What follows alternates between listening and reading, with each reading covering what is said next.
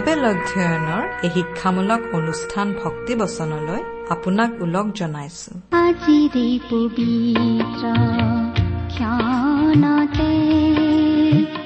উজলি উঠা খ্ৰীষ্টৰ জ্যোতি। প্ৰিয় শ্ৰোতা আমাৰে সৈতে আজিৰ এই অনুষ্ঠান শুনিবলৈ বহাৰ বাবে আপোনালৈ অশেষ ধন্যবাদ। আপোনাৰ দৰে শ্ৰোতাই আমাক সদায় প্ৰেৰণা যোগায়। এই অনুষ্ঠানটিৰ যোগেৰে আমি আপোনাক লগ পাই থাকিলে আমি বৰ উৎসাহ পাওঁ। আমি মানুহ সঁচাকৈ ইজনে আনজনৰ সম্পৰ্কত থাকি বৰ ভাল পোৱা প্ৰাণী। ঈশ্বৰো আমাৰ লগত থাকি বৰ ভাল পায়। সেয়েহে যীশুখ্ৰীষ্ট ৰূপেৰে আহি আমাৰ লগত অৰ্থাৎ মানুহৰ লগত বসতি কৰিলে। তেওঁৰ আন এটা নাম ইমানুৱেল অৰ্থাৎ আমাৰ লগত ঈশ্বৰ মানুহৰ লগত ঈশ্বৰ। মানুহ যেন সদায় ঈশ্বৰৰ লগত আৰু ঈশ্বৰ যেন সদায় মানুহৰ লগত থাকিব পাৰে তাৰ বাবে যি বলিদানৰ কাৰ্যৰ প্ৰয়োজন আছিল তাকেই সিদ্ধ কৰিবলৈ প্ৰভু যীশু এই পৃথিৱীলৈ আহিছিলে। ঈশ্বৰে মানুহৰ লগত থাকিব বিচাৰে। ভাবিলেই ভাল লাগে নহয়নে? এই সময়ত ঈশ্বৰ আপোনাৰ মোৰ লগত আছে। আপুনি যাতে কেতিয়াও অকলশৰীয়া অনুভৱ নকৰে। ঈশ্বৰ আপোনাৰ লগত। ইয়াতকৈ ভাল সংগ পৃথিৱীত কি হ'ব পাৰে? এই লগৰীয়া ঈশ্বৰৰ বিষয়ে অধিককৈ জানিবলৈ আহক। আজিৰ ভক্তিবচন অনুষ্ঠানসমূহ।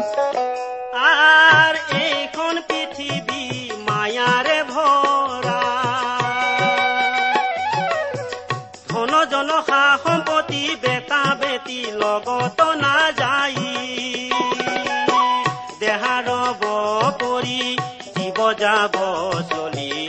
লোৱা বন্ধু, তুমি যিচুৰে নাম। দেহাৰ কৰি জীৱ যাব চলি। লোৱা বন্ধু, তুমি যিচুৰে নাম। কি ভাবিছা বন্ধু হবাৰ কাম নাই আমাৰ নাম ভাই।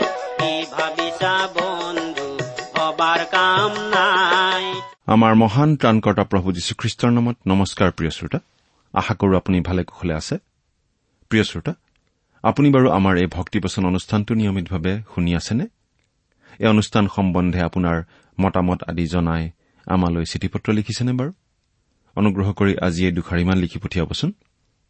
আহকচোন আজিৰ বাইবেল অধ্যয়ন আৰম্ভ কৰাৰ আগতে খন্তেক প্ৰাৰ্থনাত মূৰ দুৱাওঁ আমি প্ৰাৰ্থনা কৰো। স্বৰ্গত থকা অসীম দয়ালু কৰুণাময় পিতা তোমাৰ তুলনা নাই তোমাৰ প্ৰেম তোমাৰ কৰুণা তোমাৰ অনুগ্ৰহৰ কথা আমি বৰ্ণনা কৰি শেষ কৰিব নোৱাৰো। প্ৰভু যীশুৰ যোগেদি তুমি আমালৈ যি অনুগ্ৰহ দেখুৱালা তাৰ বাবে তোমাক অশেষ ধন্যবাদ পিতা। এতিয়া আমি তোমাৰ মহান বাক্য বাইবেল শাস্ত্ৰ অধ্যয়ন কৰিবলৈ আগবাঢ়িছো। তোমাৰ বাক্য তুমিয়েই আমাক বুজাই দিয়া। এই অনুষ্ঠানৰ আৰম্ভণিৰ পৰা শেষলৈকে তুমিয়েই আমাৰ চলাওঁতা হোৱা। অনুষ্ঠান শুনি থকা প্ৰতিজন শ্ৰোতাৰ জীৱনত তোমাৰ মহান অনুগ্ৰহৰ আশীৰ্বাদ প্ৰকাশ পাই উঠিবলৈ দিয়া। কিয়নো এই প্ৰাৰ্থনা আমাৰ মহান ত্ৰাণকৰ্তা প্ৰভু যীশুখ্ৰীষ্টৰ নামত আগবঢ়াইছো। আমেন।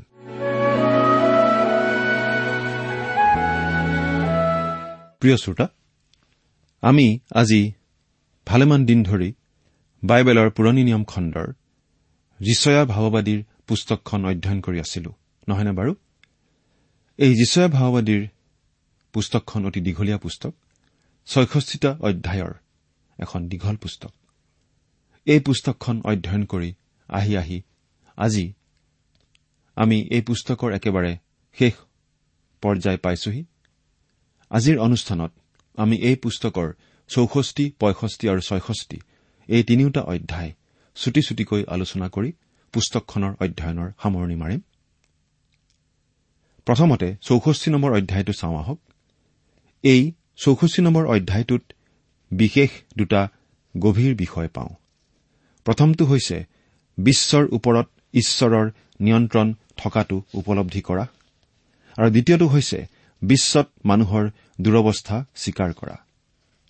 চৌষষ্ঠি নম্বৰ অধ্যায়ৰ এক নম্বৰ পদৰ পৰা পাঁচ নম্বৰ পদলৈ পাওঁ বিশ্বৰ ওপৰত ঈশ্বৰৰ নিয়ন্ত্ৰণৰ কথাটো জনা। পদকেইটা পাঠ কৰি লওঁ শুনিবচোন। অহ তুমি আকাশমণ্ডল বিদাৰি নামি আহিলে পৰ্বতবোৰ তোমাৰ সাক্ষাতে দ্ৰৱ হৈ গলে কেনে ভাল আছিল?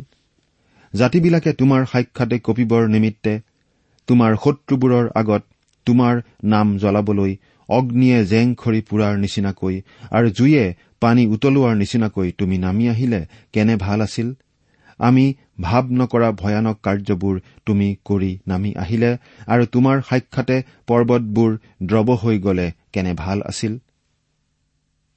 তোমালৈ অপেক্ষা কৰোতাজনলৈ কাৰ্য সিদ্ধ কৰোতা যি তুমি তোমাৰ বাহিৰে আন ঈশ্বৰ আছে বুলি আগৰ কালৰ পৰা মানুহবিলাকে শুনা নাই কাণেৰে অনুভৱ কৰা নাই বা চকুৰে দেখা নাই। যিজনে আনন্দ কৰি ধাৰ্মিকতা সিদ্ধ কৰে আৰু যিবিলাকে তোমাৰ পথত তোমাক সোঁৱৰণ কৰে তুমি সেই সকলোৰ লগত সাক্ষাৎ কৰি থাকা। চোৱা তুমি ক্ৰুদ্ধ আৰু আমি পাপিষ্ঠ। চিৰকালৰে পৰা এই অৱস্থাত আছো। তেন্তে আমি পৰিত্ৰাণ পামনে? আমি এক নম্বৰ পদত পাওঁ। ভাৱবাদীগৰাকী ইছৰাইলৰ অৱশিষ্ট ভাগৰ প্ৰতিনিধি ৰূপে ইছৰাইলৰ কাৰণে প্ৰাৰ্থনা কৰিছে। অতীতকালৰ ক্ৰিয়া শব্দ ব্যৱহাৰ কৰি। অতীতকাল ব্যৱহাৰৰ ভাষাটোক ভাৱবাদীৰ ভাষা বোলা হয়। তাৰমানে ঈশ্বৰে যি কৰা নাই কিন্তু কৰিব বুলি কৈছে তাক তেওঁ কৰিবই। ভৱিষ্যতে যি কৰিব সেইটো অতীতত কৰাৰ সমানেই একে। এই ভাৱবাণীখিনি মণ্ডলীৰ কাৰণে নহয় কিন্তু ইছৰাইলৰ অৱশিষ্ট ভাগৰ বাবেহে। দুই নম্বৰ পদত কোৱা হৈছে জুয়ে যেনেকৈ পানী উতলাই সেইদৰে জাতিবিলাকো ঈশ্বৰৰ উপস্থিতিত ভয়ত কঁপিব। সকলো জাতিয়েই কঁপিব। তেতিয়াৰ সময়ত কোনো বৃহৎ শক্তি আৰু ক্ষুদ্ৰ শক্তি নাথাকিব। ক্ষুদ্ৰ আৰু বৃহৎ সকলোৱেই কঁপিব। তিনি নম্বৰ পদত পৰ্বতো প্ৰভুৰ উপস্থিতিত গলি যাব মানে তেওঁৰ পৰাক্ৰম আৰু শক্তিৰ কোনো সীমা নাথাকিব। তেওঁৰ শক্তি বৰ্ণনা কৰিব নোৱাৰা ধৰণৰ শক্তি। চাৰি নম্বৰ পদত সত্য ঈশ্বৰৰ বাহিৰে কোনো ঈশ্বৰ আছে বুলি আগৰে পৰা কোনেও শুনা নাই এতিয়াও শুনা নাই আৰু কেতিয়াও নুশুনিব। পাচনি পৌলেও এই কথাটো প্ৰথম কৰিন্ঠিয়া দুই নম্বৰ অধ্যায়ৰ ন নম্বৰ পদত উল্লেখ কৰিছে। পাঁচ নম্বৰ পদত পাপ স্বীকাৰ আৰম্ভণ দেখা গৈছে আৰু তাকে কৰা হৈছে মুক্তিদাতাত আস্থা স্থাপন কৰিবলৈ। ছয় নম্বৰ পদৰ পৰা বাৰ নম্বৰ পদলৈ আছে বিশ্বত মানুহৰ দুৰৱস্থা স্বীকাৰ কৰা। পদকেইটা পাঠ কৰি দিছো। কিয়নো আমি সকলোৱেই অসুচী লোকৰ সদৃশ হলো আৰু আমাৰ সকলো ধাৰ্মিকতা চোৱা হোৱা কাপোৰৰ দৰে হ'ল। আমি আটাইবিলাক পাতৰ নিচিনাকৈ জয় পৰিছো আৰু আমাৰ অপৰাধবোৰে বতাহৰ দৰে আমাক উৰুৱাই লৈ গৈছে। তোমাৰ নামেৰে প্ৰাৰ্থনা কৰোতা কোনো নাই কোনেও তোমাৰ আশ্ৰয় লবলৈ নিজ মন উচতাই নিদিয়ে কিয়নো তুমি আমাৰ পৰা তোমাৰ মুখ লুকুৱাই ৰাখিছা আৰু আমাৰ অপৰাধৰ প্ৰতাপত আমাক গলি যাবলৈ দিছা। কিন্তু হে যি হোৱা তুমি আমাৰ পিতৃ। আমি মাটি আৰু তুমি আমাৰ কুমাৰ। আমি সকলোৱেই তোমাৰ হাতৰ কাৰ্য। হে যি হোৱা তুমি অত্যন্ত ক্ৰুদ্ধ নহবা বা চিৰকাললৈকে অপৰাধ মনত নাৰাখিবা। চোৱা দৃষ্টি কৰা। আমি তোমাক মিনতি কৰো। আমি সকলোৱেই তোমাৰ প্ৰজা। তোমাৰ পবিত্ৰ নগৰবোৰ অৰণ্য হৈ পৰিল। চিউন অৰণ্য হৈ গ'ল। জিৰচালেম ধ্বংসস্থান হল। য'ত আমাৰ পূৰ্বপুৰুষবিলাকে তোমাৰ প্ৰশংসা কৰিছিল আমাৰ সেই পবিত্ৰ সুন্দৰ গৃহ অগ্নিৰে দগ্ধ হল। আৰু আমাৰ মনোমোহা সকলো ঠাই উচ্ছন্ন হল। হে জিহুৱা এইবোৰ দেখিও তুমি আঁতৰি থাকিবানে? আৰু মনে মনে থাকি আমাক অত্যন্ত দুখ দিবানে? এই পদকেইটাত মানুহৰ কি অৱস্থা স্বীকাৰ কৰা হৈছে? সেয়া আমি নিশ্চয় বুজি পাইছো। সেয়া কেৱল ইছৰাইলৰ অৱস্থাই নহয় গোটেই মনুষ্য জাতিৰেই সেই অৱস্থা। কেৱল ইছৰাইলেই ঈশ্বৰৰ দৃষ্টিত অসুচী নহয় সকলো জাতি সকলো মানুহেই অসুচী সেইদৰে সকলো মানুহেই চোৱা হোৱা কাপোৰৰ নিচিনা। ইছৰাইলে কোৱাৰ দৰে আচলতে সকলোৱেই এনেদৰে ক'ব লাগে যে ঈশ্বৰ আমাৰ পিতৃ ঈশ্বৰ। সকলোৰে বাবেই ঈশ্বৰ কুমাৰ আৰু সকলো জাতিয়েই তেওঁৰ হাতত মাটিৰ লদাৰ নিচিনা। সকলো জাতিয়েই ঈশ্বৰৰ হাতৰ কাৰ্য। সকলোৱেই ঈশ্বৰৰ ক্ৰোধৰ সন্মুখীন হ'ব লাগিব। সকলোকেই ঈশ্বৰৰ দয়াৰ প্ৰয়োজন আছে। সকলোৱেই প্ৰভুৰ গুৰিত প্ৰাৰ্থনা কৰা প্ৰয়োজন। এতিয়া আমি পঁয়ষষ্ঠি নম্বৰ অধ্যায়টোলৈ আগবাঢ়ি যাওঁ। এই অধ্যায়টোৰ পঁচিছটা পদত মূলত তিনিটা বিষয় আমি পাওঁ। প্ৰথমটো হৈছে ইছৰাইল জাতিটোক ঈশ্বৰে প্ৰত্যাখ্যান কৰাৰ কাৰণ দ্বিতীয়তে ইছৰাইলৰ অৱশিষ্ট ভাগৰ সংৰক্ষণ আৰু তৃতীয়তে নতুন স্বৰ্গ আৰু নতুন পৃথিৱী এতিয়া প্ৰথমতেই আমি চাওঁ ঈশ্বৰে ইছৰাইল জাতিটোক প্ৰত্যাখ্যান কৰাৰ কাৰণ পঁয়ষষ্ঠি নম্বৰ অধ্যায়ৰ এক নম্বৰ পদৰ পৰা সাত নম্বৰ পদলৈকে। পদকেইটা পাঠ কৰো প্ৰথমতে। যিবিলাকে মোক নিবিচাৰিলে সিবিলাকক মোৰ পৰামৰ্শ লোৱাব খুজিলো। আৰু যিবিলাকে মোক অন্বেষণ নকৰিলে সেইবিলাকক মোক পোৱাব খুজিলো। যি জাতি মোৰ নামেৰে প্ৰখ্যাত নহল এনে জাতিৰ আগত এয়া চোৱা মই আছো মই আছো এই বুলি মই কলো। যি জাতিয়ে নিজ নিজ কল্পনামতে কুপথত চলে এনে এক বিদ্ৰোহী জাতিৰ আগত মই ওৰে দিনটো হাত মেলিলো। যি জাতিয়ে বাৰীত বলিদান দি আৰু ইটাৰ ওপৰত ধূপ জ্বলায় মোৰ মুখৰ আগত সদায় বেজাৰ দিয়ে।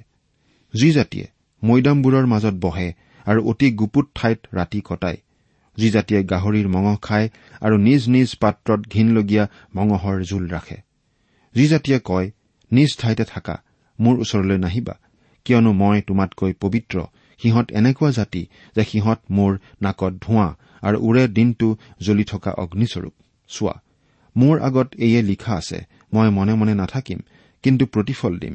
এনেকে জিহুৱাই কৈছে মই একেবাৰে তোমালোকৰ নিজৰ নিজৰ অপৰাধৰ পৰ্বতবোৰত ধূপ জ্বলোৱা আৰু উপ পৰ্বতবোৰত মোক নিন্দা কৰা তোমালোকৰ পূৰ্বপুৰুষবিলাকৰো অপৰাধৰ প্ৰতিফল। তোমালোকৰ বুকুত দিম আৰু মই প্ৰথমে সিহঁতৰ কাৰ্য জুখি সিহঁতৰ বুকুত প্ৰতিফল দিম। প্ৰিয় শ্ৰোতা আমি চৌষষ্ঠি নম্বৰ অধ্যায়তেই পাই আহিছো যে যিচয়া ভাৱবাদী আৰু ইছৰাইলৰ সন্তানসকলে বৰ আন্তৰিকতাৰে প্ৰাৰ্থনা কৰিছে যাতে তেওঁলোকৰ সৰগীয় ৰজাজনে সকলো বাধা বিঘিনি দূৰ কৰি এই জগতলৈ আহে।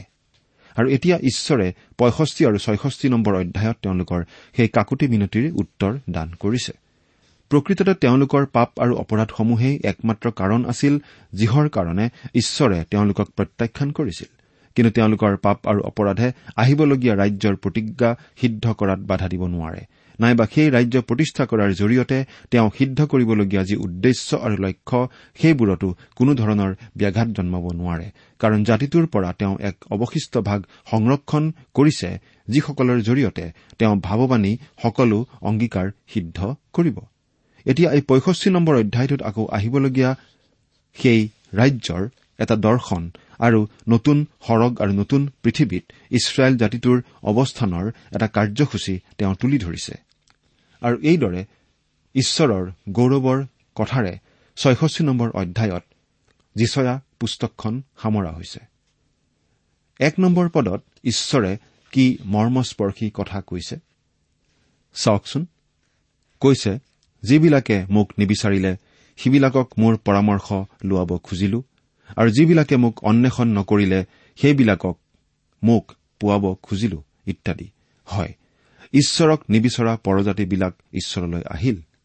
তেওঁলোকে বিচাৰি নহয় কিন্তু ঈশ্বৰে তেওঁলোকক বিচাৰি যোৱাৰ কাৰণে পৌলক ঈশ্বৰে মাকিদনিয়ালৈ পঠিয়ালে। কিন্তু পৌলে গৈ দেখিলে শুভবাৰ্তাৰ কাৰণে কোনেও তাত ৰৈ থকা নাছিল। সেয়ে নৈৰ পাৰত প্ৰাৰ্থনাৰ বাবে যোৱা মহিলা লুডিয়া ভনীক পৌলে শুভবাৰ্তা দি প্ৰভুৰ চৰণলৈ আনিছিল। পৌলৰ ভৰি মুখ মন হৃদয়খনেৰে ঈশ্বৰ মাকিদনিয়ালৈ গৈছিল। সেইটোৱেই সঁচা কথা। পৃথিৱীৰ কোন জাতিয়ে কেতিয়া কত শুভবাৰ্তাৰ বাবে বাট চাই আছিল কোনো থকা নাই। মিছনেৰীসকলৰ শৰীৰ প্ৰাণ আৰু আত্মাক লৈ ঈশ্বৰ নিজেই প্ৰথমতে যিহুদীয়া তাৰ পাছত চমৰীয়া আদি কৰি পৃথিৱীৰ সীমালৈকে নিজেই আগবাঢ়ি গৈছে। ঈশ্বৰক নিবিচৰা মানুহেতো নিজে নিবিচাৰেই। ঈশ্বৰক বহন কৰি শুভবাৰ্তা দিবলৈ যোৱা অনেক মিছনেৰীক এই মানুহবিলাকে বধহে কৰি আহিছে। প্ৰভুৱে পমা চেনেহতে পৰিত্ৰাণ দান কৰা ডেকা এজনে কৈছিল মোৰ পাপিষ্ঠ ভৰি দুখনে যিমান দ্ৰুতগতিৰে পাৰে সিমান দ্ৰুততাৰে মোক মোৰ ঈশ্বৰৰ গুৰিৰ পৰা আঁতৰলৈ যাবলৈ দৌৰাইছিল। আৰু যিমান আঁতৰলৈ পাৰি সিমান আঁতৰলৈ মোৰ বিদ্ৰোহী মনটোৱে আঁতৰাই লৈ গৈছিল আৰু মোৰ ঈশ্বৰেও মোৰ পাছত দৌৰিবলৈ লৈ দৌৰি দৌৰি গৈ মোক ধৰিছিল। প্ৰিয় শ্ৰোতা সেইটোৱেই আমাৰ সকলোৰে জীৱনত ঘটিছে। আমি বিচৰা নাই ঈশ্বৰেহে আমাক ধৰিছে। দুই নম্বৰ পদৰ বিদ্ৰোহী জাতিটো হৈছে ইছৰাইল জাতি। কিন্তু ঈশ্বৰে তেওঁলোককো এৰি দিয়া নাই। তিনি নম্বৰ পদৰ ঈশ্বৰ পূজাৰ বিধি গৰ্হিত বিধিৰ বলিদান ধূপ জ্বলোৱা আদি পাপবোৰেই আছিল ঈশ্বৰে ইছৰাইলক উপেক্ষা কৰাৰ কাৰণ। চাৰি আৰু পাঁচ নম্বৰ পদত ঈশ্বৰে ইছৰাইলক প্ৰত্যাখ্যান কৰাৰ মাত্ৰ আংশিক কাৰণ দৰ্শাইছে। ছয় আৰু সাত নম্বৰ পদত ইছৰাইলে বৰ গৰ্বী জীৱন নিৰ্বাহ কৰিছিল আৰু কেৱল বাহ্যিকতাৰে তেওঁলোকৰ ধৰ্ম পালন কৰি তাৰে তেওঁলোকে প্ৰকৃততে ঈশ্বৰ নিন্দাহে কৰিছিল। আঠ পদৰ পৰা ষোল্ল নম্বৰ পদলৈ পঢ়িলে আমি পাওঁ যে ঈশ্বৰে তেওঁলোকৰ অংগীকাৰ তেওঁৰ ভাৱবাণী আৰু তেওঁৰ পৰিকল্পনা সিদ্ধ কৰিবলৈ ইছৰাইলৰ সন্তানসকলৰ মাজৰ পৰা এটি অৱশিষ্ট লোকৰ দল সংৰক্ষণ কৰি ৰাখিছিল। পদকেইটা পাঠ কৰিলে গোটেই সত্যতা জানিব পাৰি। পদকেইটা পাঠ কৰি দিছো শুনিবচোন। আঠ পদৰ পৰা ষোল্ল নম্বৰ পদ। জিহুৱাই এই কথা কৈছে যেনেকৈ দ্ৰাক্ষাৰ থোকত ৰস দেখিলে লোকে কয় তাক নষ্ট নকৰিবা কিয়নো তাত আশীৰ্বাদ আছে। সেইদৰে সিহঁত আটাইকে নষ্ট নকৰিবৰ মনেৰে মোৰ দাসবিলাকৰ নিমিত্তে মই কৰিম। আৰু মই জাকুবৰ পৰা এক বংশ আৰু জিহুদাৰ পৰা মোৰ পৰ্বতবোৰৰ এক অধিকাৰী উৎপন্ন কৰিম। আৰু মোৰ মনোনীত লোকবিলাকে তাক অধিকাৰ কৰিব আৰু মোৰ দাসবিলাকে তাত বসতি কৰিব। আৰু মোক বিচৰা মোৰ প্ৰজাবিলাকৰ নিমিত্তে চাৰোন মেৰৰ জাকৰ গঁড়ালস্বৰূপ হ'ব আৰু আখুৰ উপত্যকা গৰুৰ জাকবোৰৰ হোৱা ঠাই হ'ব।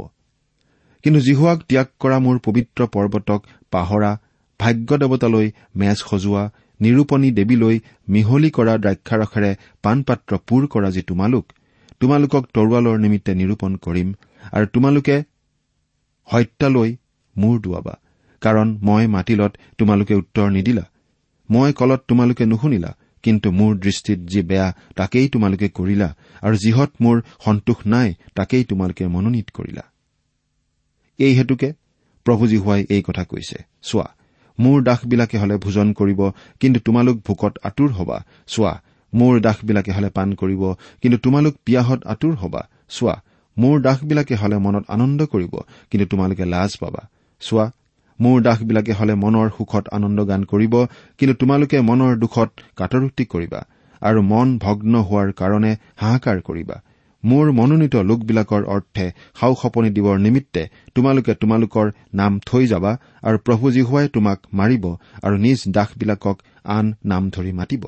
তাতে যি মানুহে পৃথিৱীত নিজকে ধন্য বুলিব সেই মানুহে সত্য ঈশ্বৰৰ নামেৰেহে নিজকে ধন্য বুলিব। আৰু যি মানুহে পৃথিৱীত শপত খায় তেওঁ সত্য ঈশ্বৰৰ নামেৰেহে শপত খাব। কিয়নো পূৰ্বকালৰ সকলো সংকট পাহৰা গ'ল আৰু মোৰ দৃষ্টিৰ পৰা সেইবোৰ লোকাল। এতিয়া অধ্যায়টোৰ সোতৰ নম্বৰ পদৰ পৰা পঁচিছ নম্বৰ পদ অৰ্থাৎ শেষ পদলৈকে নতুন সৰগ আৰু নতুন পৃথিৱীৰ কথা কোৱা হৈছে। বিভিন্ন বাইবেল শিক্ষক আৰু ছাত্ৰ ছাত্ৰীসকলে নতুন সৰগ আৰু নতুন পৃথিৱীৰ কথাৰ ক্ষেত্ৰত ভিন্ন মতামত দাঙি ধৰে। প্ৰকাশিত বাক্য একৈশ নম্বৰ অধ্যায়তো নতুন আকাশমণ্ডল নতুন পৃথিৱী আৰু নতুন জিৰচালেমৰ কথা কোৱা হৈছে। আৰু এয়া পুৰণি সকলো গুচি যোৱা সাগৰো নথকা পৃথিৱী। এইবিলাক যেনেকৈ যিয়েই নহওক কিয় কিন্তু শেষৰ কালৰ নতুন আৰু স্বৰ্গীয় অৱস্থা এইবোৰ। এয়াই হ'ব মুক্তসকলৰ বাবে স্থান। তাত পাৰ্থিৱ একোৱেই নাথাকিব। পদকেইটা অনুগ্ৰহ কৰি আপোনালোকে নিজে পঢ়ি চাব। এতিয়া আমি এই পুস্তকখনৰ শেষ অধ্যায়টোত প্ৰৱেশ কৰিছো। এই অধ্যায়টোত প্ৰথম ভাগত আমি পাওঁ সৃষ্টিকৰ্তা শাসনকৰ্তা মুক্তিদাতা বিচাৰকৰ্তা নতুনকৈ সৃষ্টি কৰোতা আৰু পুৰস্কাৰ দিওঁতা ঈশ্বৰৰ কথা। সেইবোৰৰ বিষয়ে ছয়ষষ্ঠি নম্বৰ অধ্যায় এক নম্বৰ পদৰ পৰা দহ নম্বৰ পদত আমি পঢ়িবলৈ পাওঁ। এই অধ্যায়টোত আকৌ শেষকালৰ ৰাজ্যৰ কথাও পাওঁ। আজি আমি প্ৰাৰ্থনা কৰো আপোনাৰ ৰাজ্য হওক বুলি। প্ৰভু যীশুৱে আমাক এনেদৰে প্ৰাৰ্থনা কৰিবলৈ শিকাইছে। মুঠিয়ে লিখা শুভবাৰ্তা ছয় অধ্যায় দহ পদত আমি পাওঁ। কিন্তু যীচয়া ছয়ষষ্ঠি নম্বৰ অধ্যায়ত কোৱা হৈছে যে তেওঁৰ ৰাজ্য আহিল। কিন্তু দুয়োটা একেই অৰ্থৰ। মুঠিয়ে লিখা শুভবাৰ্তা ছয় নম্বৰ অধ্যায়ৰ দহ পদটোৰ প্ৰাৰ্থনাৰ ভাষা আৰু যিচয়া ছয়ষষ্ঠি নম্বৰ অধ্যায়টোৰ ভাৱবাণীৰ ভাষা। ভাৱবাণীৰ ভাষাত সদায়েই অতীতকালৰ ভাষাত কথা কোৱা হয় আৰু সেই একেটা কথাকেই প্ৰাৰ্থনাৰ ভাষাত বৰ্তমান কালত কোৱা হয়। সৃষ্টিকৰ্তা শাসনকৰ্তা মুক্তিদাতা বিচাৰকৰ্তা নতুনকৈ সৃষ্টি কৰোতা আৰু পুৰস্কাৰ দিওঁতাজনৰ বিষয়ে ছয়ষষ্ঠি নম্বৰ অধ্যায়ৰ এক নম্বৰ পদৰ পৰা সোতৰ নম্বৰ পদলৈকে পাঠ কৰিছো শুনিবচোন। জিহুৱাই এই কথা কৈছে স্বৰ্গ মোৰ সিংহাসন আৰু পৃথিৱী মোৰ ভৰিপীড়া তোমালোকে মোৰ নিমিত্তে কেনেকুৱা গৃহ নিৰ্মাণ কৰিবা? কোন ঠাই মোৰ জিৰণিৰ ঠাই হ'ব? কিয়নো এই সকলোকে মোৰ হাতে নিৰ্মাণ কৰিলে। এই নিমিত্তে এই সকলো হল। ইয়াক জিহুৱাই কৈছে কিন্তু এজনলৈহে দুখীয়া ভগ্নচিত্তীয়া আৰু মোৰ বাক্যত কপা এনে মানুহলৈহে মই দৃষ্টি কৰিম। যি মানুহে গৰু মাৰে সি মানুহ বধ কৰাৰ নিচিনা। আৰু যি মানুহে ভেড়া পোৱালি বলিদান কৰে সি কুকুৰৰ ডিঙি ভঙাৰ নিচিনা। যি মানুহে নৈবেদ্য উৎসৰ্গ কৰে সি গাহৰিৰ তেজ উৎসৰ্গ কৰাৰ নিচিনা। আৰু যি মানুহে ধূপ জ্বলায় সি অসাৰ মূৰ্তিক ধন্যবাদ কৰাৰ নিচিনা। এনেকি সিহঁতে নিজ নিজ পথ মনোনীত কৰে আৰু সিহঁতৰ প্ৰাণে নিজ নিজ ঘীনলগীয়া কৰ্মত সন্তোষ পায়।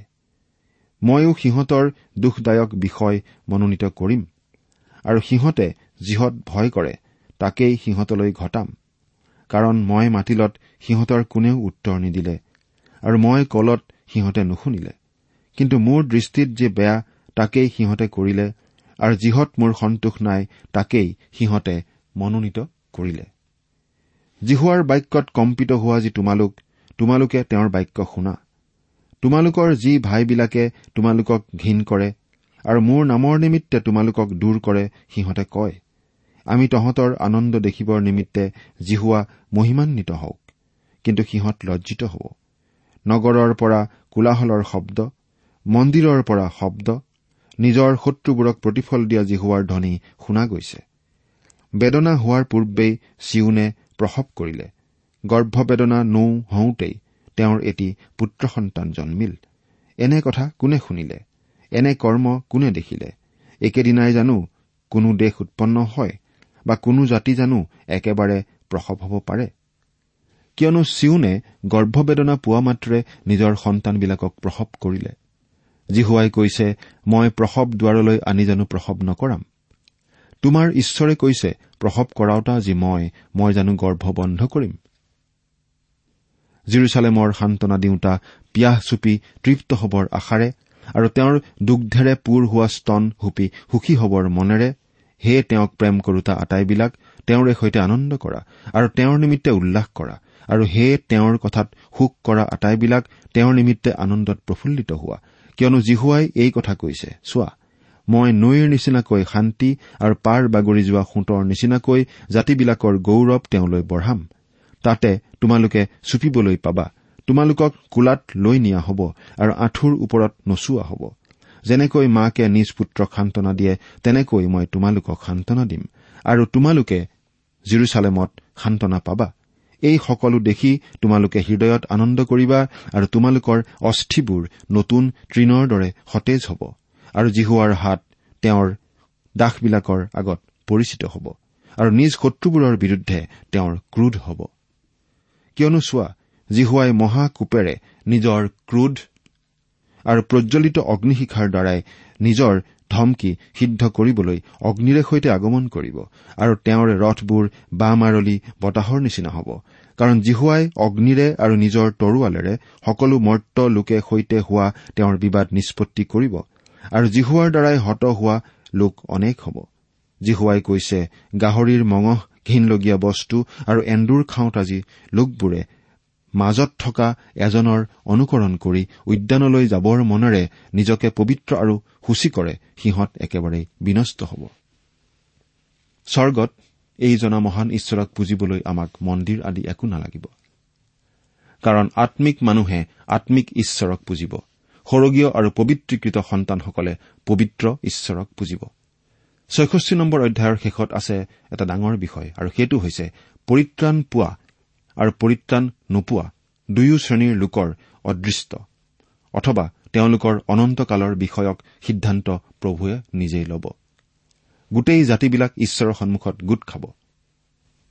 আৰু যীশুত বিশ্বাস কৰি পৰিত্ৰাণ পোৱা লোকসকলে অনন্তকাললৈ প্ৰভুৰ সৈতে বাস কৰিবলৈ পাব কিন্তু আনবিলাকে নাপাব।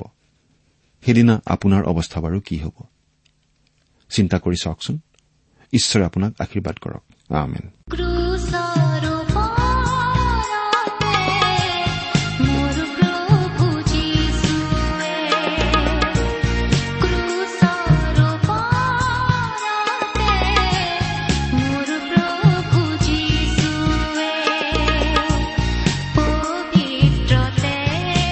প্ৰিয় শ্ৰোতা ইমান পৰে আপুনি বাইবেল শাস্ত্ৰৰ পৰা ঈশ্বৰৰ বাক্য শুনিলে। এই বিষয়ে আপোনাৰ মতামত জানিবলৈ পালে আমি নথৈ আনন্দিত হ'ম।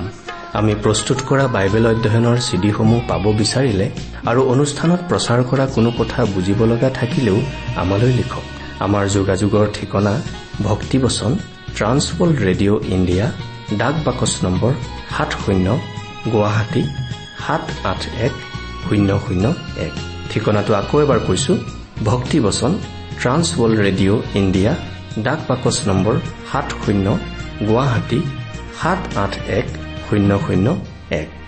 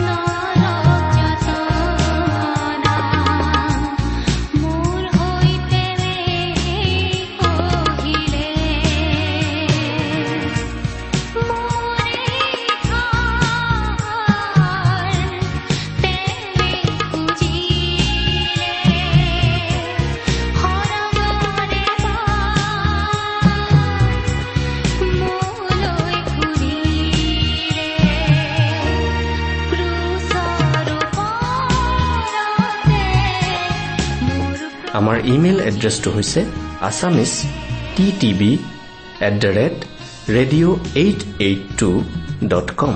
আমাৰ website W W W dot T W R dot in.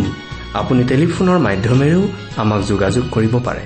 আমাৰ টেলিফোন নম্বৰটো হৈছে nine eight five four zero' four zero' eight eight nine.